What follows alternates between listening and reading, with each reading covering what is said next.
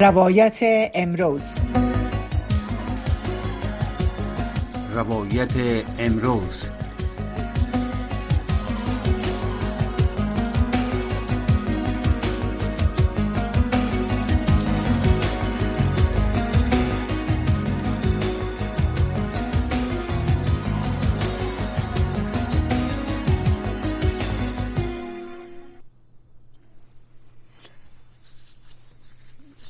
عزیز باز هم احترام و سلام خدمت شما تقدیم می‌کنم. و شما را خوش آمدید میگم به برنامه روایت امروز. در روایت امروز برنامه خاص داریم. اما به که اول فقط یک دقیقه آواز از او شخص بشنیم که تیاتر اولا خود در زمان امان الله خان تئاتر ساخته شد. به اون زمان اگر شما سنتان خورتر است اما منتها کسانی که دیگه در پروان به نام تئاتر سینما تئاتر زمانی که امان الله خان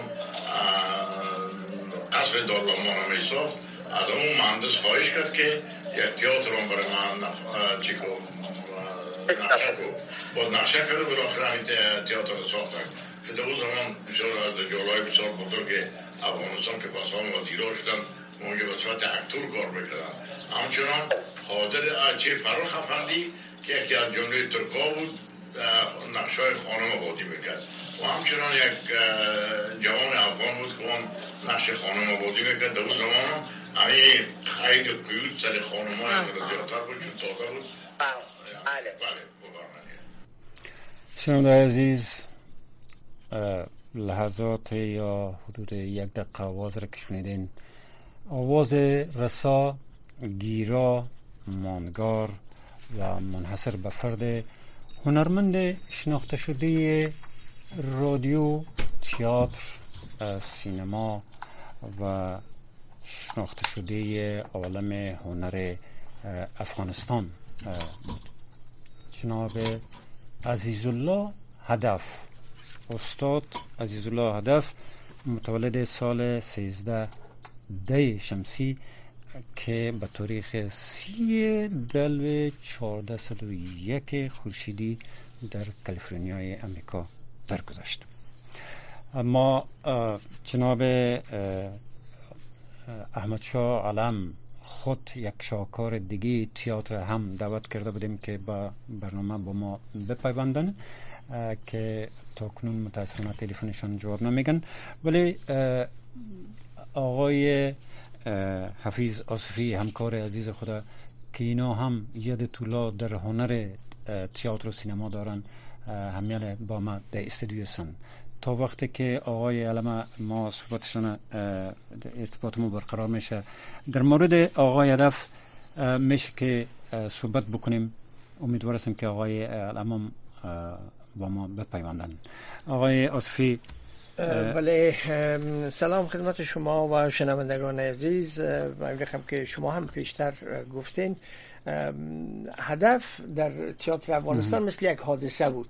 مثل کسی که نبود. هم آدم چند بودی بود. در تئاتر سینما و رادیو. شنوندگان رادیو بینندگان تئاتر در افغانستان از سالهای سال با آوازش و بعدا با چهرهش هم آشنا بودن آقای هدف در شمار از زیاد از تئاتر نه تنها پارچه های تمثیلی بلکه که از نویسنده های شهید جهان بله. مثل مولیه رقم خود شما خبر دارین بله. شنوندگان بله. عرض بکنم مثل گوگل مثل چخوف در های مختلف از اونا سهم داشتن با بازی می‌کردن بله آقای هدف همونطور که ممکن شما می‌فهمین حتما شنونده های عزیزم شاید بعضا بفهمن. ما بسیار سنین خودی با ایشان آشنا شدیم. بله. در نمایشنامه مختلف با ایشان کار کردیم در رادیو و در تئاتر افغانستان. البته زمانی که هنر سینما در اوج زیاد برازنده تر شد ما وقت افغانستان نبودم آقای هدف که همونطور که گفتن شخص بسیار منحصر به فرد. هنرمند بسیار توانا و هنرمندی که در عالم غربت زندگی کرد و در عالم غربت با شهامت بزرگ در در غربت بازم از بین رفت. ولی نام از اونها همیشه جاودان است.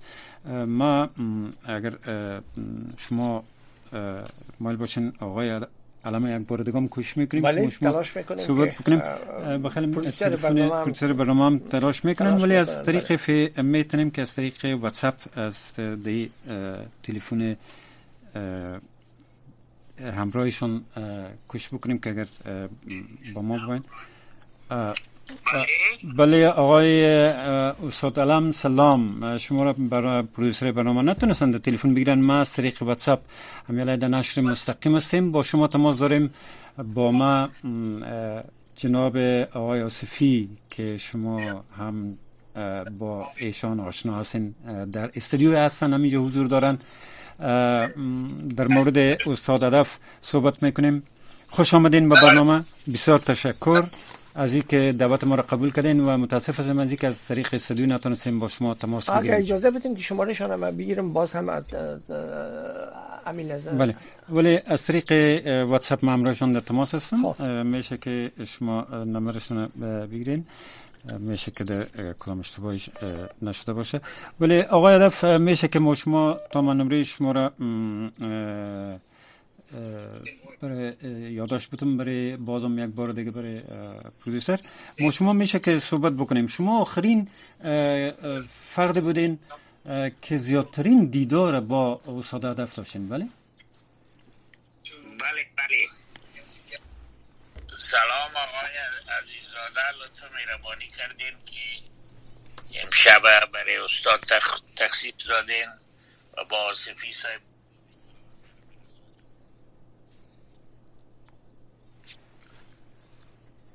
بله. بله میشم بله بله صدای شما را میشنویم. سلامای مرا قبول بکنین جناب آقای علم. قربانتان بفرمایید. ما به خدمتتان هستم استاد عرض مایی بود که شما زیادترین دیدار با استاد هدف داشتین. زیادترین وقت در اواخر عمرشان سپری کردین. قبل از اینکه به جزئیات زندگیشان بریم اگر شما هدف بسیار معرفی بسیار طولانی کار دارن یک چیز بازیز به نظر شما هدف کی بود و چطور یک انسان بود؟ بله به گفته شما که طولانی وقت کار داره اما هدف یک هنرمند بود. هدف هنرمند تولد شده بود. اما چندین سال دور بود از هنر و ماموریت های دیگه بود و بر حسب تصادف پس دوباره ای به تیاتر آمد. و هدف در یک چهره هزار چهره بود. یعنی از هر چهره به چهره دیگه فرق می‌کرد در کمیدی در تراژدی در تمام رول ها فوق جذاب بود برای یک دایرکتر مثل مواره یک چهرهایی که هنری مثل که صدای فوقلاده داشت جسم و قد بلند داشت چاق بسیار زیاد نبود که حرکت کرده نتانه حرکات سنوی را بسیار به خوبی اجرا می‌کرد. و یک عشق و علاقه مطلق به هنر داشت. یعنی تمام زندگی خود وقت هنر کرده بود. از اون سبب بود که هدف آقا تا سن 92 یا 93 سالگی ازدواج نکرد. می‌گفت که ما با هنرم ازدواج کردیم. بله. بله. من می‌خواستم بپرسم که جناب شما یکی از کسای بسیار نادر هستین که در شق تئاتر هم تحصیل کردین. شما پیش از رفتنتان به یوگسلاویای وقت و تحصیل در زمینه تئاتر آیا با هدف آشنا بودین یا ای که پس از در بازگشت بیشتر سر کار پیدا کردین با هدف هنرمند؟ بله در بازگشت. در بازگشت اولین درامی را که من ساختم آقای هدف انتخاب کردم به او و از او روز به بعد فکر می‌کنم که 1979 بود یا تقریبا 78 یا 79 بله 78 بود فکر می‌کنم. تا امروز ما بسیار رفیقای فوقلاده بودیم و همکار بسیار فوقلاده بودیم و سفرهای داخل خارج همیشه یک جای بودیم و از روزی که آقای هدف از بیست چند سال به این طرف با امریکا آمد ما خانه ما بسیار نزدیک بود و تقریبا تقریبا هفته دو تا سه بارم با هم می دیدیم معلوم دار استاد اگر یک مرور باز هم مکرر بکنین به زندگی استاد. شما استاد گفتین از بسیار آوان جوانی شروع کرده به هنر تیاتر در او وقت که البته ما از زمانی که از رادیو یادم میه ما با ایشان آشنا شدیم. ولی اونا بسیار پیش مدت ها قبل شروع کرده بودن. چطور اینا آقای هدف روی آوردن به هنر تیاتر؟ ای پیش شما گفتین که هنرمند تولد شده بوده. ولی روی تصادفا به تیاتر داخل شدن یا ای که آگاهانه ایولشن تصادفا بسیاری از هنرمندای دنیا تصادفا به تیاتر یا به سینما معرفی میشن. مثلا چارلی چپلین مثلا تام کروز که به یک ایستگاه استاده بود و موتر دست می‌داد که از یک منطقه به دیگه منطقه دیگه اگر بتانه او رو ببره و تصادف یک دایرکتر سینما برازی استاد کرد و از آینه دید که چی یک بچه مقبول است و امروز تام کروز شد.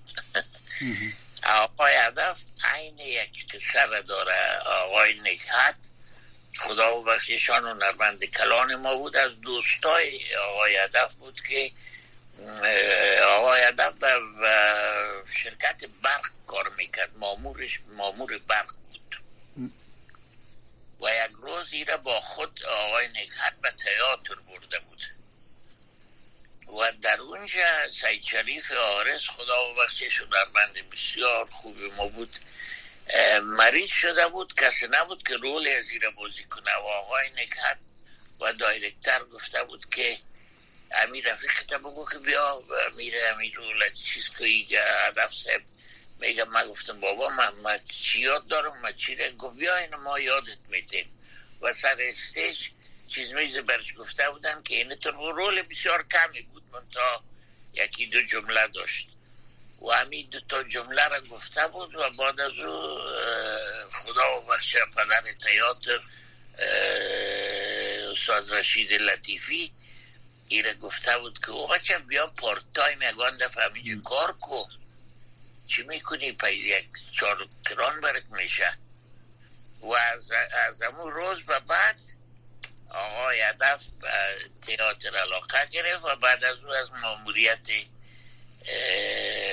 برق استیفا داد و آمد و مامور رسمی پوهن نداری وقت شد و وقت کابل نداری نبود. بله بله. یک تصادف عجیب و غریب بود که آقای هدف به تئاتر آمد. شما وقتی که برگشتین با هنرمندای زیادی کار کردین بهترین کارهایتان یا خاطراتتان از کار با هدف بزرگ چی بوده؟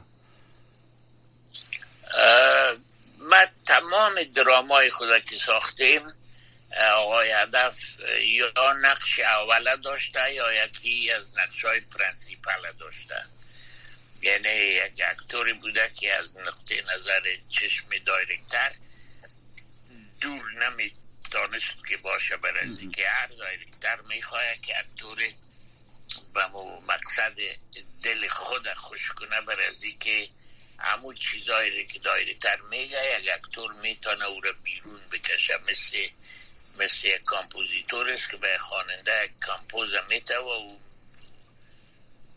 توقع داره که همو چیزهایی را همو هایی را که director به compose خود گنجانیده خواننده باید است که از درون خود بیرون بکشد. و director تیاتر این گپ است که هر حرکات را که میگه و هر جملات را که زیر text و بالای text و مابین text اینا مسائل چیز از فنیست اونا را ادا کرده بتانه یک هنرمند.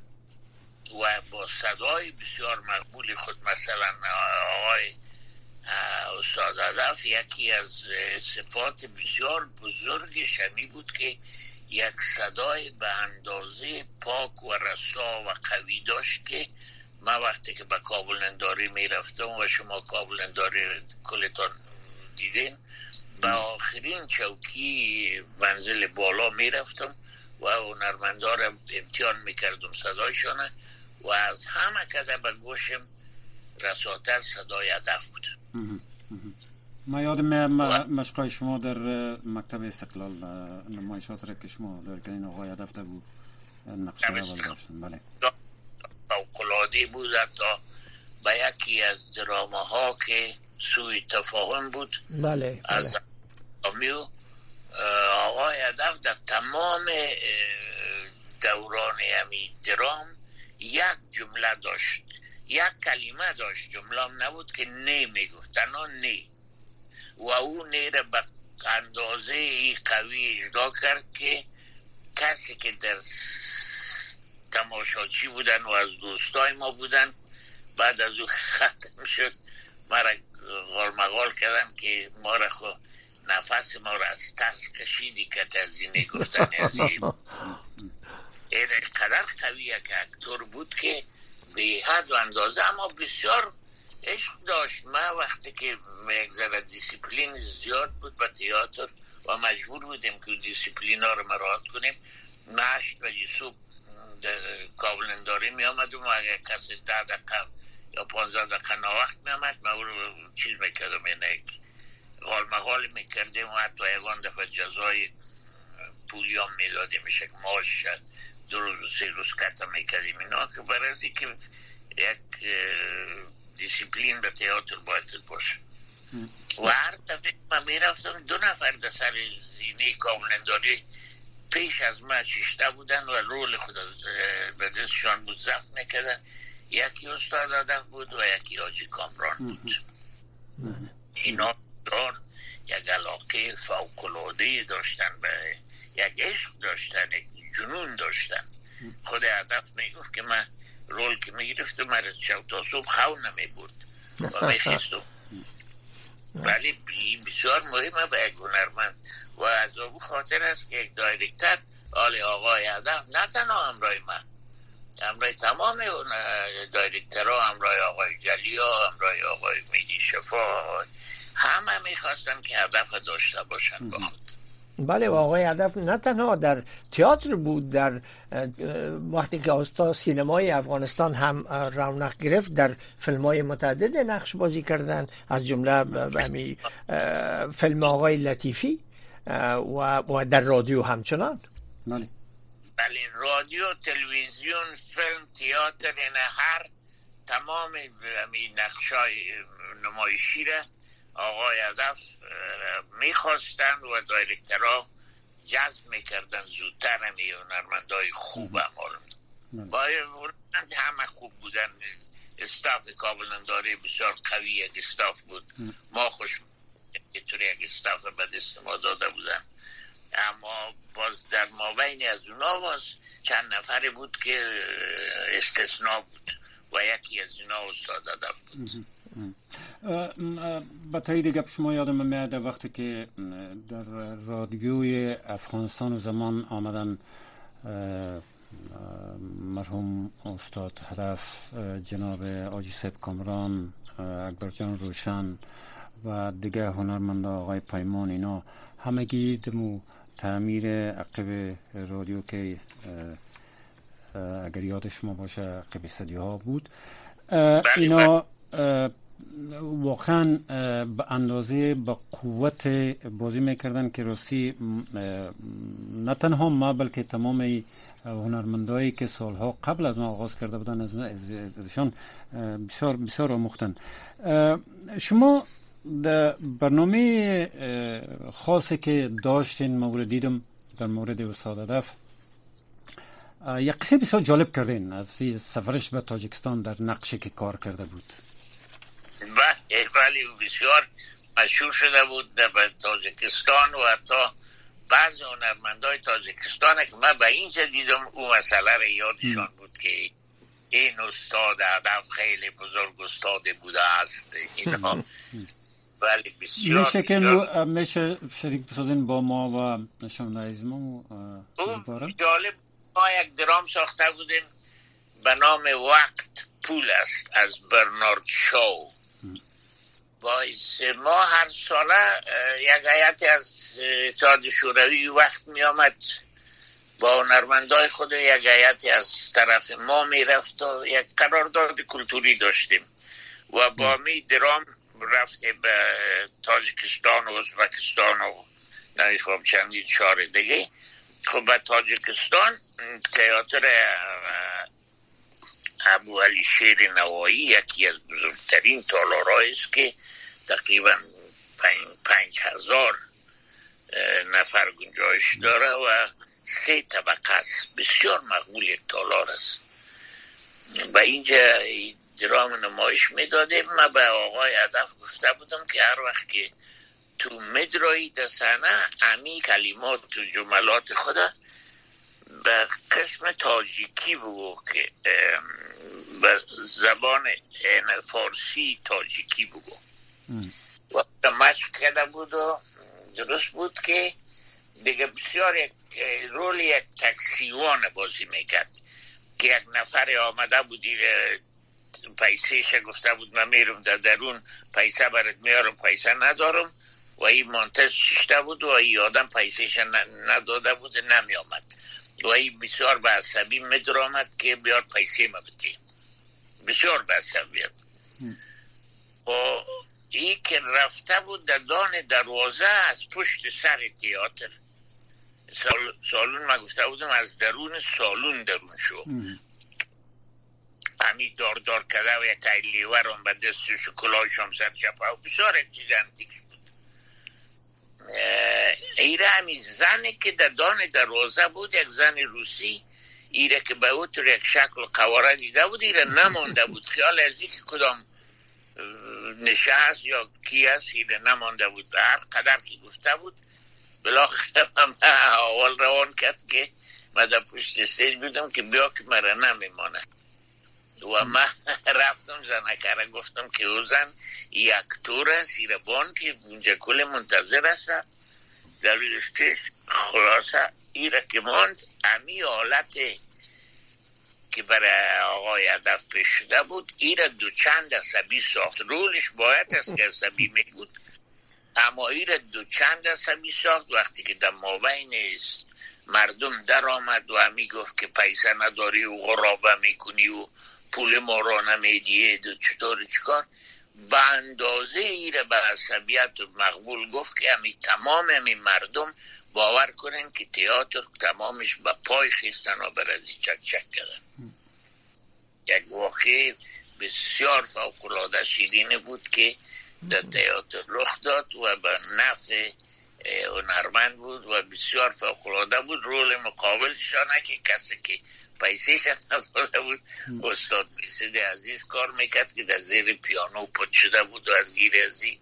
و بسیار خنداور یک درام جالب. استاد این هم به رول داشتن. در او درام گفتین استاد بیسید هم نقش داشتن. ببخشید من صحبت شما را بله. نقش اولا نقش داماد داشتم که می آمدم طلبگاری پشت یک دختر. و پیسه نداشتن که تکسی را بتن و تکسی و انقال مقالش برامده بود. استاد الان اگر شما نه به حیث از که مقایسه بکنین بر از که امر رقمی که شما فرمودین استاد عزیز الله هدف تنها هدف بود و دیگه هدف نمیشه. و شما اگر یک نظر پرتین مشکلاتی که شما هر دایرکتر در در دایرکت دراما ها یک چیز واضح است با مشکلات روبروی میشه با باید رقم و قصه که شما یک وقت کرده بودین که از یکی از سردمدارای قدرت که هر کس رفته و دایرکتری خوانده و معلم باشه شما مثل معلم واقعا درس می‌دادین اکتورا را انجستایش که شما می‌خواستین باعث دایرکتر. شما با آقای هدف مشکل داشتین؟ در که کدام نقشی را شما را آزار داده باشه به حیث دایرکتر و یا وقت شما را زیادتر گرفته باشه؟ من عزیزاده صاحب عزیز وقتی که از اروپا آمدم من همراه تمام هنرمندان مشکل داشتم نه تنها همراه آقای هدف. علت از بود که هنرمندای ما به یک سیستم قدیم عادت کرده بودن. سیستمایی که مثلا از عوض که بگوین که یک گلاس آب بده می‌گفت یک گلاس آب بده. این چیزا برای ما بیخی تجربه آور بود که چرا اینطور گپ می‌زنن. یعنی سوریالیزم بود. اینا اید به قسمت ریالیزم اینا نبودن. بسیار اگزاجریت می‌کردن یا نمیفهم تو مچ می‌کردن یا کارها را اوور گفته امریکایی ها می‌کردن. و این بسیار برای من مشکل بود که تمام استاف باید است که من تغییر بدم. و این استاف یک سیستمی را یاد گرفته بود که به 20 سال و 30 سال به وجودشان مثلا جستای دستشان نرمال بود. حتی جستای دست که یک چیز را می‌خواستن بگیرن و یک حرکات عجیب و غریب همینطور عادت کرده بودن همینطور تیاتر خدیم همینطور بود. تا که اینا اصلاح شد و ما خود شش ماه آقای عزیزاده شش ماه ما درام مفتش هم مشق کردیم. و شش ماه شب و روز مشق کردیم. اینطور نیست که ما وقفه گرفته باشیم دهش. بله،. کار آسان نبود یک کار بسیار شاخه بود شاخه مطلق. بله. و در اول حتی استاد بیسد و استاد رفیق صادق خوی بزرگوارای تیاتر ایران مانده بودم که کتیمت چی کنن که هم قبول کنن نکنن؟ این سیستم خود از بین ببرن. این سیستم نو چی هست؟ اما پسان بالاخره به همکاری یکی دیگه و به بسیار زحمات زیاد تغییر کردن. وقتی تغییر کردن من یادم است که ایسان عطیل خدا ببخشه در درام اوتیلو که رول یاگو را بازی می‌کرد با آمد بر من گفت که گفت علم صاحب ولا بلا من از شما یک شکایت دارم. من گفتم چی شکایت داری؟ گفت که من دمی خانه که میرم صاحب ای را گشتنم بیخید آدم نمیمانه هیچ رقمی یا گو باره حرکت می‌کنم زن من فکر می‌کنم که دزدمان است. و ما ایران ماندیم که من چطور کنم؟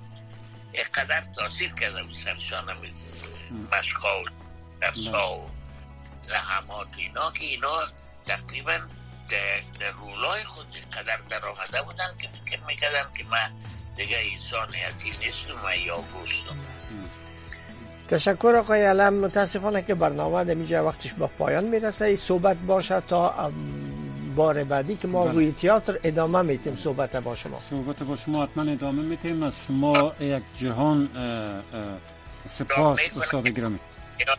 گیریم که چند نفر دوگان باشه و راجع به تئاتر گپ بزنیم. بله. بسیار لطفا. این روح استاد ادف شاد با. تشکر از اینکه شما خدر لطف کردین و ادف یک شب خوب گرفتین زنده باشین. بسیار زیاد تشکر. تا صحبت بعدی استاد علم.